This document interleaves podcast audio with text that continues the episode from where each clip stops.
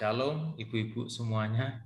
Ya, puji Shalom. Tuhan ada bapaknya, Deng, ada Pak Simon. Salam. Shalom Pak Simon juga. Shalom. Em, puji Tuhan kita bisa berkumpul di doa pagi ini, tapi formatnya beda yaitu online. Dan eh, hari ini adalah hari yang luar biasa karena eh, entah kenapa Tuhan terus bergerak dalam kehidupan kita dengan cara-cara yang luar biasa dan kita harus memperhatikan ini Bapak Ibu bahwa inilah kesempatan kita menggunakan kuasa Tuhan terlebih untuk membangun kehidupan saudara-saudara kita.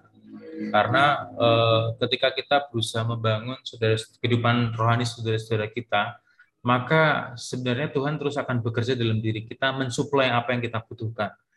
Firman karunia dan hal-hal lain gitu. Karena eh, itulah sebabnya kita akan hari ini belajar dari Timotius kita buka dulu di 2 Timotius 4 ayat 1 sampai 5. Dan eh, judulnya untuk siang ini adalah saudara di dalam Kristus. 2 Timotius pasal 4 ayat 1 sampai 5.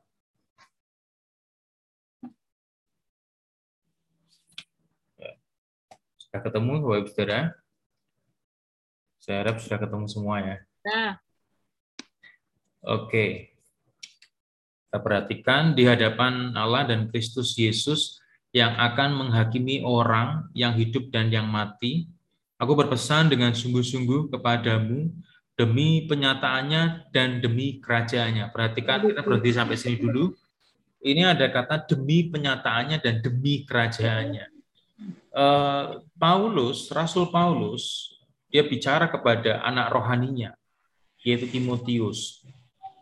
Dan Paulus Paulus menghendaki eh, bahwa apa yang dikerjakan Timotius itu haruslah sebuah pengabdian, Bapak Ibu. Tanpa disadari karena eh, Paulus mengatakan demi penyataannya dan demi kerajaannya. Artinya kalau ada kata demi itu kan mau tidak mau, suka tidak suka harus dikerjakan.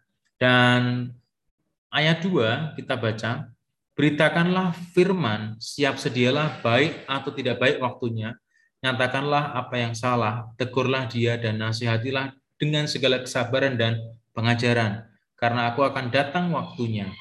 Karena akan datang waktunya, orang tidak dapat lagi menerima ajaran sehat, tetapi mereka akan mengumpulkan guru-guru menurut kehendaknya untuk memuaskan keinginan telinganya.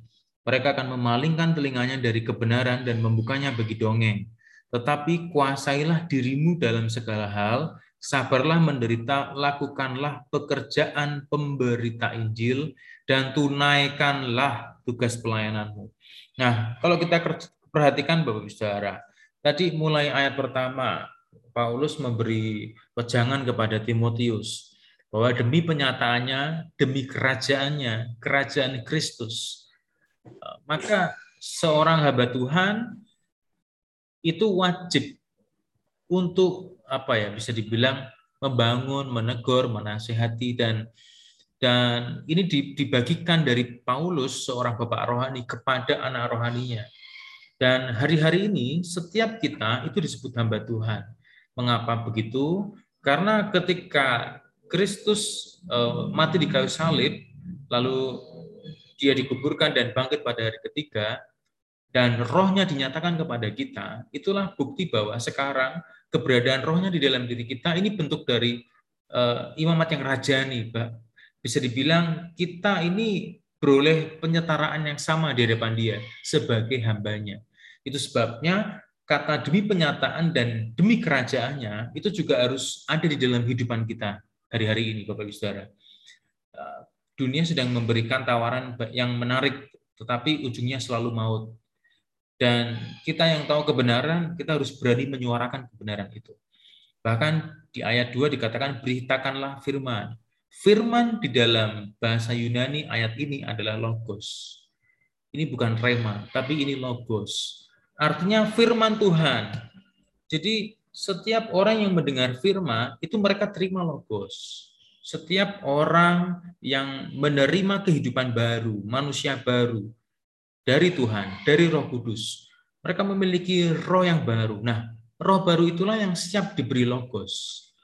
Logos menjadi rema itu adalah keputusan pribadinya, bukan si pembawanya. Jadi ketika hari ini saya membawa firman atau ke depan siapa pun yang membawa firman, mereka membawa logos. Saya membawa logos. Saya tidak membawa rema, saya membawa logos. Nah, logos ini akan saya bagikan. Dan ayat 2, siap sedialah baik atau tidak baik waktunya. Nyatakanlah apa yang salah. Tegurlah dan nasihatilah dengan segala kesabaran dan pengajaran. Nah, kesabaran dan pengajaran. Jadi, waktu kita bicara ketemu saudara-saudara kita yang mungkin uh, belum kita lihat hidupnya kok belum benar ya gitu. kita harus berani hmm, bahasanya itu uh, berani menegur berani memberitahu. Makanya ketika kita hidup di dalam roh tidak boleh ada the spirit of familiarity. Karena the spirit of familiarity roh keakraban itu membuat tidak bisa kebenaran berada di tempatnya. Karena kita terhalang dengan rasa malu, rasa tidak enak, rasa takut nanti tersinggung, rasa takut begini, begitu, begini, begitu, yang akhirnya membuat orang yang terpuruk semakin terpuruk dan membuat kebenaran tidak bisa terungkap dengan bebas melalui kehidupan kita. Sedangkan kebenaran harus berada di puncak supaya semua orang bisa melihat. Kebenaran harus berada di tempat yang tinggi kalau kita tahu kebenaran firman Tuhan, kita harus berani mengatakannya. Dan dikatakan siap sedialah baik atau tidak baik waktunya. Jadi memberitakan Injil atau memberitakan logos itu, firman itu, itu tidak ditentukan dengan ya saya lagi mood, nggak ada mood-moodan Bapak Ibu. Saya lagi, saya belum belajar atau saya ya apa pun firman yang tiba-tiba Waktu kita lagi ngajak sharing, tiba-tiba firman itu tiba-tiba melintas. Nah, kita bagikan. Minta Tuhan petunjuk. Tuhan, kapan aku harus masuk? Kapan nih? Terus caranya masuk gimana? Oh, sepertinya tidak bisa masuk. Minta ke Tuhan, Tuhan, tolong beri kesempatan. Aku mau menyatakan Injilmu. Aku mau menyatakan kebenaranmu kepada dia. Kita harus meminta ke Tuhan. Dengan berani kita harus meminta. Seringkali karena keadaan tidak mendukung, kita tidak meminta. Padahal kita bisa meminta Tuhan menciptakan situasi yang berbeda supaya kita bisa masuk. Nah, kita harus tahu mengapa hal mengapa kita harus meminta itu karena perhatikan ayat 3 Bapak Ibu. Dalam 2 Timotius 4 ayat 3 dikatakan karena akan datang waktunya. Kata waktunya itu di dalam bahasa Yunani itu kairos. Artinya ini waktunya Tuhan dan waktu yang tidak bisa terulang dua kali di momen yang sama. Jadi ini kesempatan sekali seumur hidup karena akan ada waktunya. Orang tidak lagi menerima ajaran sehat. Jadi ada satu ada satu momen yang harus kita maksimalkan karena di dalam kehidupan ini ada ternyata ada waktu yang bisa terjadi lagi dan ada waktu yang tidak bisa terjadi lagi. Dan di dalam ayat 3 ini bicara tentang waktu yang tidak bisa terjadi lagi. Ini momen fatal, Bapak Ibu. The golden orang orang orang Kristen menyebutnya the golden moment, moment. Karena sering kali Kairos menuju kepada berkat, tetapi di ayat 3 menjelaskan bahwa orang tidak dapat lagi menerima ajaran sehat. Tetapi mereka mengumpulkan guru-guru menurut kehendaknya untuk memuaskan keinginan telinganya.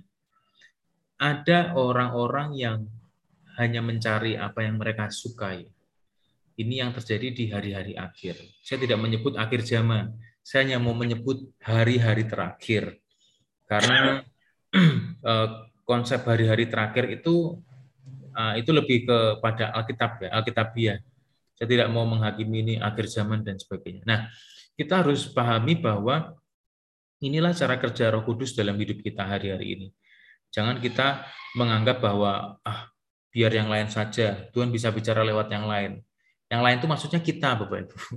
Bapak Saudara dan saya ini yang maksud yang dimaksud yang lain itulah. Jadi eh, mari beri ruang gerak untuk Roh Kudus bekerja melalui kita. Karena eh, sesering mungkin Roh Kudus bekerja melalui kita, sesering mungkin kita memiliki kesaksian akan kuasanya. Sekarang kalau kalau kehidupan kita memiliki kesaksian akan kuasanya Bapak Ibu Saudara, Bapak Ibu Saudara tidak perlu mem, mem, memiliki kesaksian dari orang lain karena Bapak Ibu Saudara mengalami sendiri betapa dahsyatnya firman dan Kristus itu sendiri. Bapak Ibu tidak perlu mencari-cari kesaksian banyak orang. Buka YouTube, cari kesaksian, oh, apa namanya eh, lepas dari ini, keluar dari ini, terbebas dari ini, dan ini dan itu dan ini dan itu. Karena ketika Tuhan dan kuasa rohnya ada dalam diri kita, kita tidak perlu mencari-cari kesaksian orang, kita tidak perlu lagi mencari-cari hikmat dari manusia lain. Tetapi Tuhan akan mengajar secara pribadi. Inilah yang hal yang dahsyat Bapak Ibu Saudara. Dan mari kita perhatikan ayat 4. Mereka akan memalingkan telinganya dari kebenaran dan membuka membukanya bagi dongeng.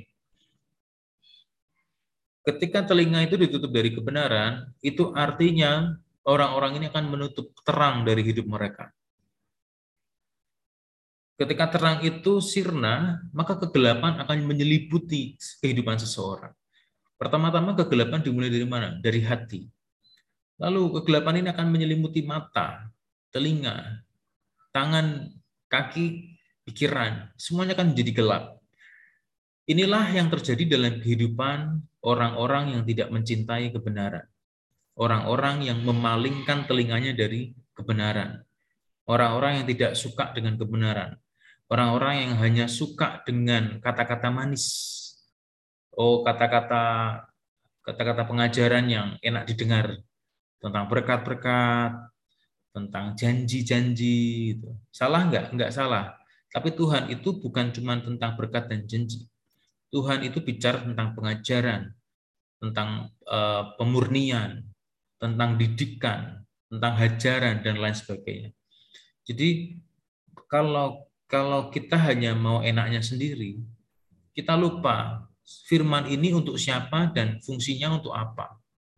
Karena firman itu dinyatakan kepada manusia supaya manusia berubah memiliki keserupaan dengan Kristus tidak ada eh, sekarang gini, kalau kita baca Alkitab Bapak Saudara, eh, Yesus sekarang ada di Kristus ada di sorga dengan tubuh kemuliaan, tubuh jiwa roh. Dia ada di dia ada di sorga dalam tubuh kemuliaan. Nah, tidak ada orang yang hidup di dalam Firdaus lah katakanlah hari-hari ini. Dapat hidup di dalam tubuh jasmania, kecuali dua orang, Henok dan Elia. Yang maksud yang saya maksudkan adalah ketika kita mengalami kehidupan keserupaan dengan Kristus, kehidupan kita akan mencerminkan tentang Dia. Sehingga surga, Firdaus itu meresponi bahwa ini ada pribadi yang yang yang sama ini dengan si empunya surga.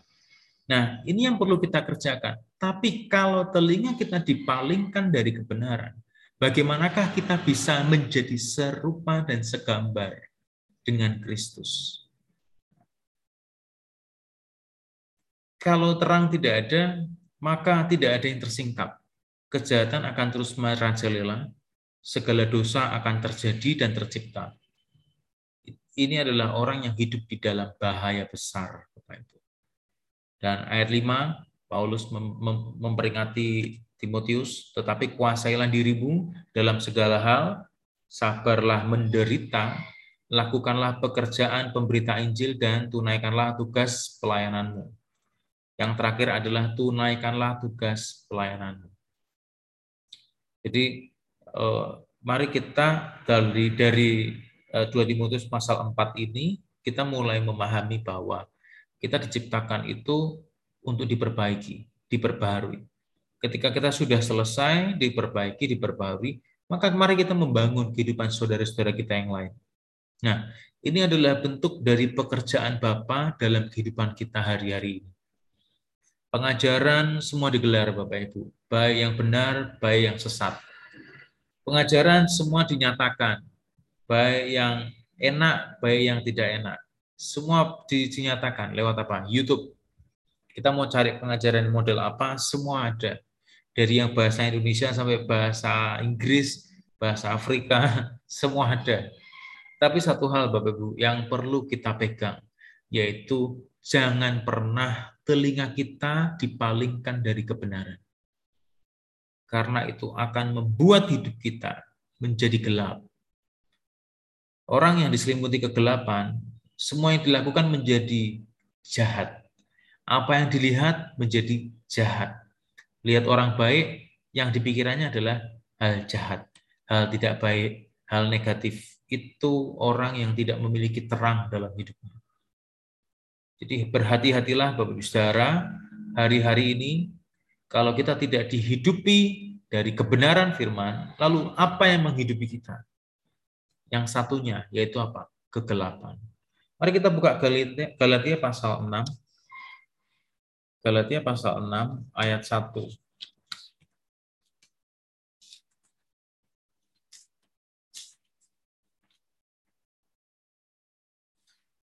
Galatia 6 ayat 1 dan 2.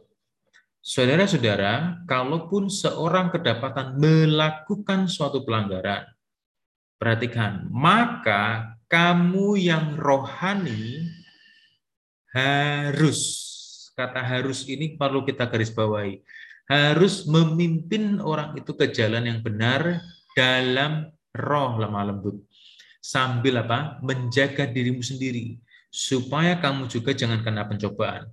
Bertolong-tolonganlah menanggung bebanmu. Demikianlah kamu memenuhi apa? hukum Kristus. Dikatakan dengan jelas ayat 1, maka kamu yang rohani harus memimpin orang itu ke jalan yang benar dalam roh lemah lembut. Ini bisa bicara tentang pengertian yang ditaruh Tuhan dalam hati kita untuk melayani orang yang lagi kena pelanggaran.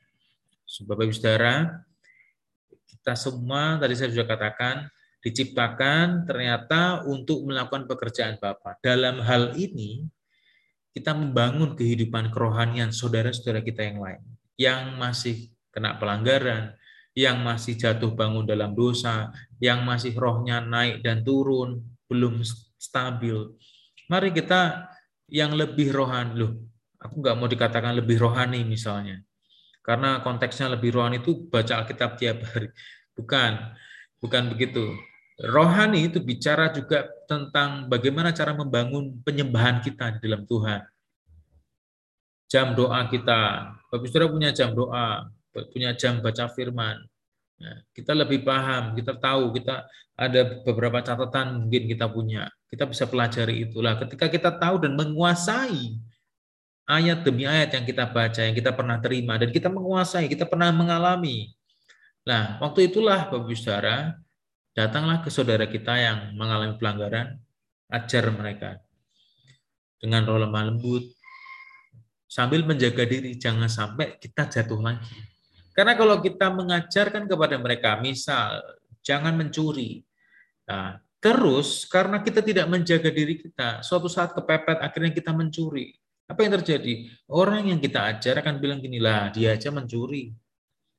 Masa ngajarin aku mencuri juga. Nah, jangan sampai kita kena pencobaan sendiri karena kita nggak berjaga-jaga. Nah, itu yang dimaksud ayat 1. Nah, ayat 2, bertolong-tolonglah menanggung bebanmu. Demikianlah kamu memenuhi hukum Kristus. Sekarang pertanyaannya, apa itu hukum Kristus? Kita cuma tahu hukum Taurat. Sekarang hukum Kristus apa? Hukum, hukum Kristus adalah hukum Taurat yang disempurnakan oleh kasih dan dikerjakan berdasarkan ilham roh kudus. Itu adalah hukum Kristus. Karena di Roma pasal 10 ayat 4 itu menjelaskan bahwa Kristus itu adalah kegenapan hukum Taurat. Jadi ada hukum Taurat, ibarat hukum Taurat ini puzzle. Tapi puzzle ini nggak lengkap. Nah, Kristus ada, dia melengkapi hukum Taurat ini. Sehingga sempurnalah hukum ini. Nah, hukum ini dibawa oleh roh, dibagi kepada kita dan roh memberi ilham bagaimana cara kita melakukannya, bagaimana kita menyikapi, bagaimana cara menegur dengan firman, dengan hukumnya. Nah, itu dimaksud hukum Kristus. Jadi ketika kita tahu tentang hal ini, lalu kita mengajar ke saudara kita yang melakukan pelanggaran, saya percaya Roh Kudus memberi inspirasi untuk berkata-kata. Roh Kudus memberi kuasa di dalam perkataan kita. Amin, Bapak Saudara. Jadi ketika roh dengan dengan gairahnya ada di dalam hati kita dan dia menaruh kebenaran di mulut kita, lalu ada gerakan untuk untuk menegur saudara kita, jangan ditahan. Jangan ditahan. Karena bisa jadi itu adalah momen Tuhan membentuk orang atau saudara kita lewat kita. Kita harus berani menyuarakan kebenaran. Kita tidak boleh membungkam kebenaran. Itu sebabnya demikianlah kamu memenuhi hukum Kristus. Tetapi tetap memang harus roh Tuhan yang memimpin kita. Sehingga kita tidak sembrono, kita tidak asal negur. Tetapi yang pasti di dalam hati kita tidak boleh ada ketakutan. Kalau memang roh kudus yang bergerak. Pasti saya percaya roh kudus itu memberi tanda, memberi sinyal kapan harus ngomong, kapan harus diam, kapan harus menyuarakan, kapan harus diam dan saya percaya dia bisa bergerak lewat siapa pun. Nah, mari kita buka ayat yang terakhir, Galatia pasal 3. Galatia pasal 3 ayat 23 sampai 26. Galatia pasal 3 ayat 23 sampai 26.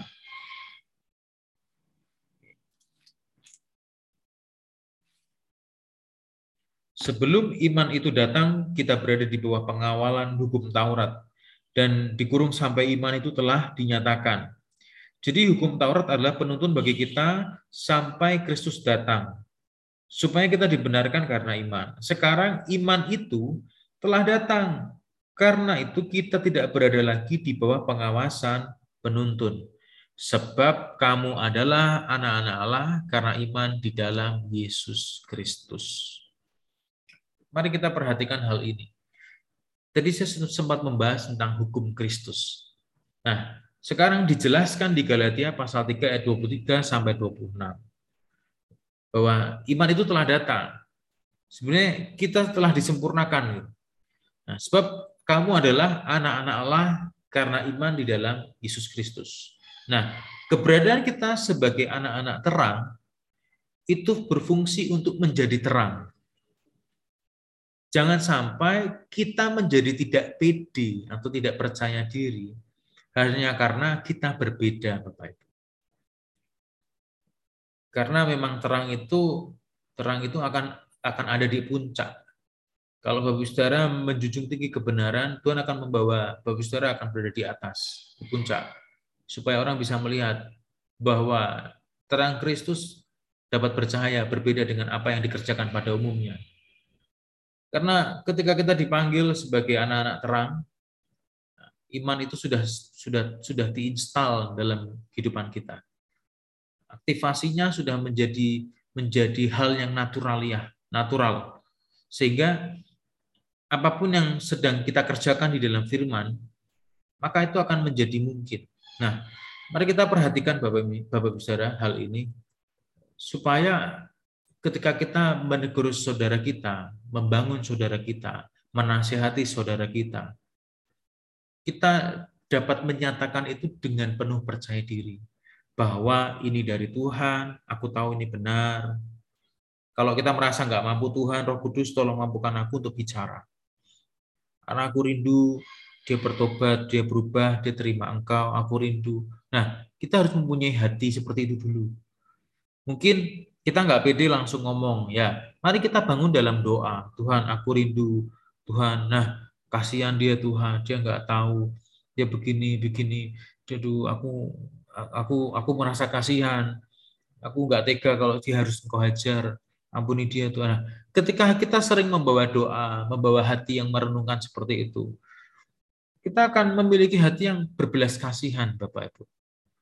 Semua mujizat yang Yesus lakukan di, di, di sepanjang kehidupannya Yesus semuanya dimulai dari apa namanya eh, sikap hati yang yang apa ya maskul yang hancur. Kasihan. Yesus merasa kasihan lalu dia jamah panggil orangnya sini sembuh kau sembuh kau sembuh. Semuanya dimulai dari apa? Kasihan. Yesus lihat lima ribu orang ikuti dia belum makan gitu. mana ada makanan anda?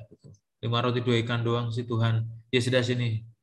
Yuk kita doa. Gitu. Jadi ketika Bapak Saudara punya hati yang seperti itu, hati yang mengasihi, hati yang kasihan. Bapak Saudara juga punya kebenaran yang dari firman Tuhan. Bapak Saudara menjaga kehidupan Bapak Saudara. Maka yang terjadi ketika kita merindukan seseorang atau saudara kita berubah, bertobat dari pelanggarannya, Tuhan akan buka jalan untuk kita bisa masuk ke dalam hidup mereka. Untuk kita bisa memberi masukan secara kebenaran firman eh firman Tuhan itu begini, gini, gini, gini, gini. Dan apa yang akan kita sampaikan itu adalah bentuk dari perkataan kebenaran firman. Makanya ayat 26 menjelaskan sebab kamu semua adalah anak-anak Allah karena iman di dalam Yesus Kristus. Saya percaya yang ada di Zoom ini semuanya memiliki iman di dalam Yesus Kristus. Dan bagaimana kita seharusnya melangkah secara detail saya akan memberitahukan cara-cara kita melangkah melayani saudara-saudara kita. Yang pertama yang harus kita lakukan adalah kita harus menguasai pengajaran dulu. Jangan sampai kita bicara A, B, C, A, B, C, tapi kita tidak menguasai, Bapak Ibu. Itu bahaya. Karena nanti dia waktu tanya kita nggak bisa jawab, terus, ah kamu percuma, banyak ngomong. Kamu aja nggak tahu, wah, repot nanti. Jadi yang pertama Bapak Saudara lakukan adalah kuasai pengajaran dulu. Satu hal Bapak Saudara menguasai pengajaran, satu misal Bapak Saudara menguasai pengajaran tentang mengampuni. Ya sudah itu dikuasai benar-benar, itu dikuasai.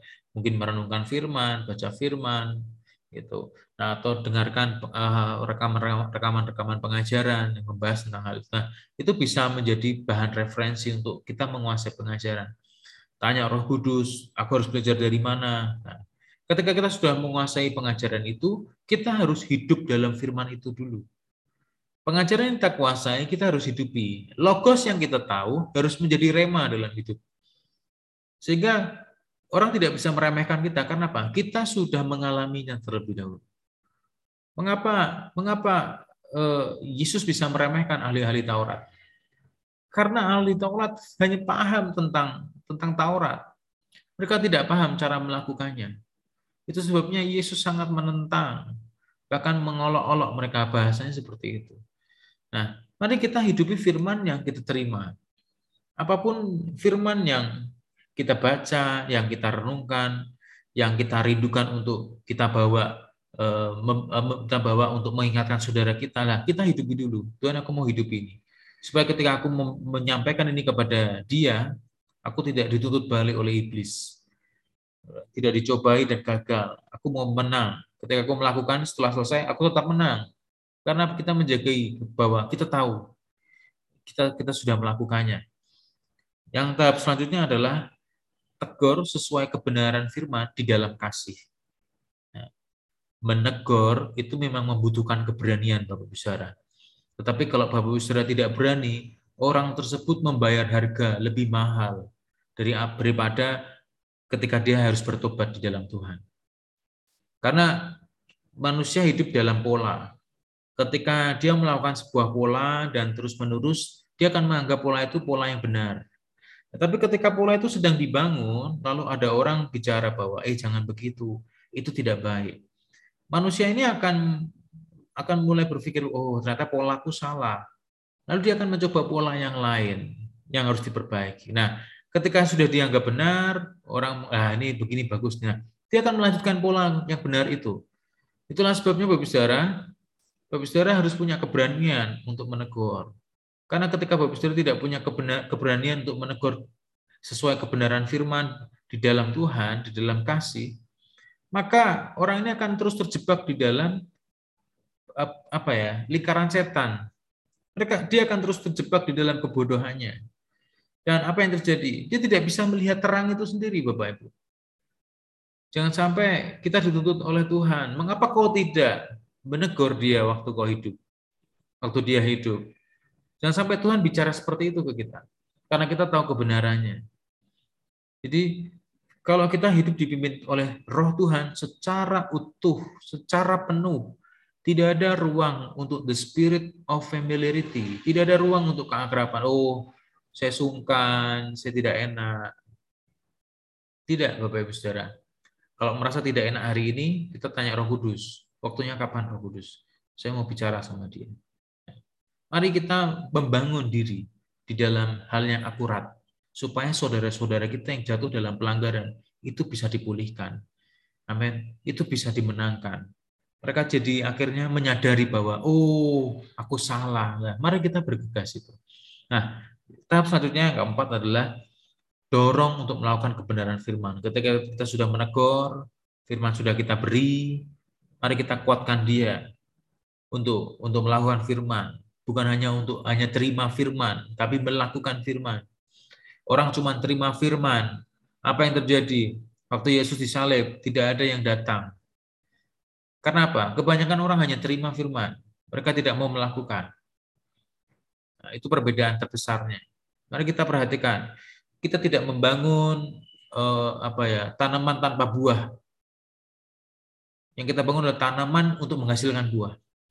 Maka dari itu ketika Bapak Saudara bicara kepada seseorang tentang kebenaran firman, teruslah pacu mereka untuk berbuah.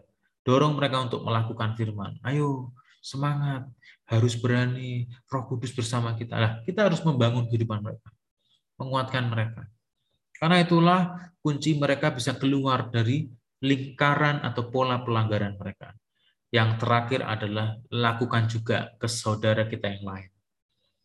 Bapak saudara, selama kita hidup, ini adalah kesempatan untuk melakukan apa yang menjadi maunya Tuhan. Loh, berarti kita nggak punya kesempatan untuk melakukan maunya kita nih.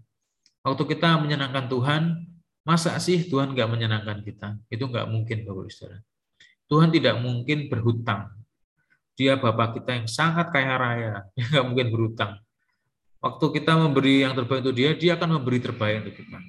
Meskipun terkadang persepsi kita tentang hal yang baik itu berbeda dari dia. Tetapi sepanjang di dalam perspektif Tuhan itu baik, maka itulah yang terbaik. Jadi mari Bapak Saudara, kita hari-hari ini harus bergegas untuk mempersiapkan diri kita, bangun kehidupan kita, untuk kita menyelamatkan saudara-saudara kita yang terjebak di dalam pelanggaran lepas pelanggaran. Semua dimulai dari hati yang mengasihi saudara-saudara itu maksudnya bukan cuman saudara-saudara sepupu atau kakak adik, tetapi mungkin suami, istri, anak, siapa pun itu yang disebut manusia. Jadi selama selama kita memiliki hati yang tergerak untuk membangun kehidupan seseorang dalam arti kehidupan rohaninya, maka kerjakan apa yang sudah saya katakan.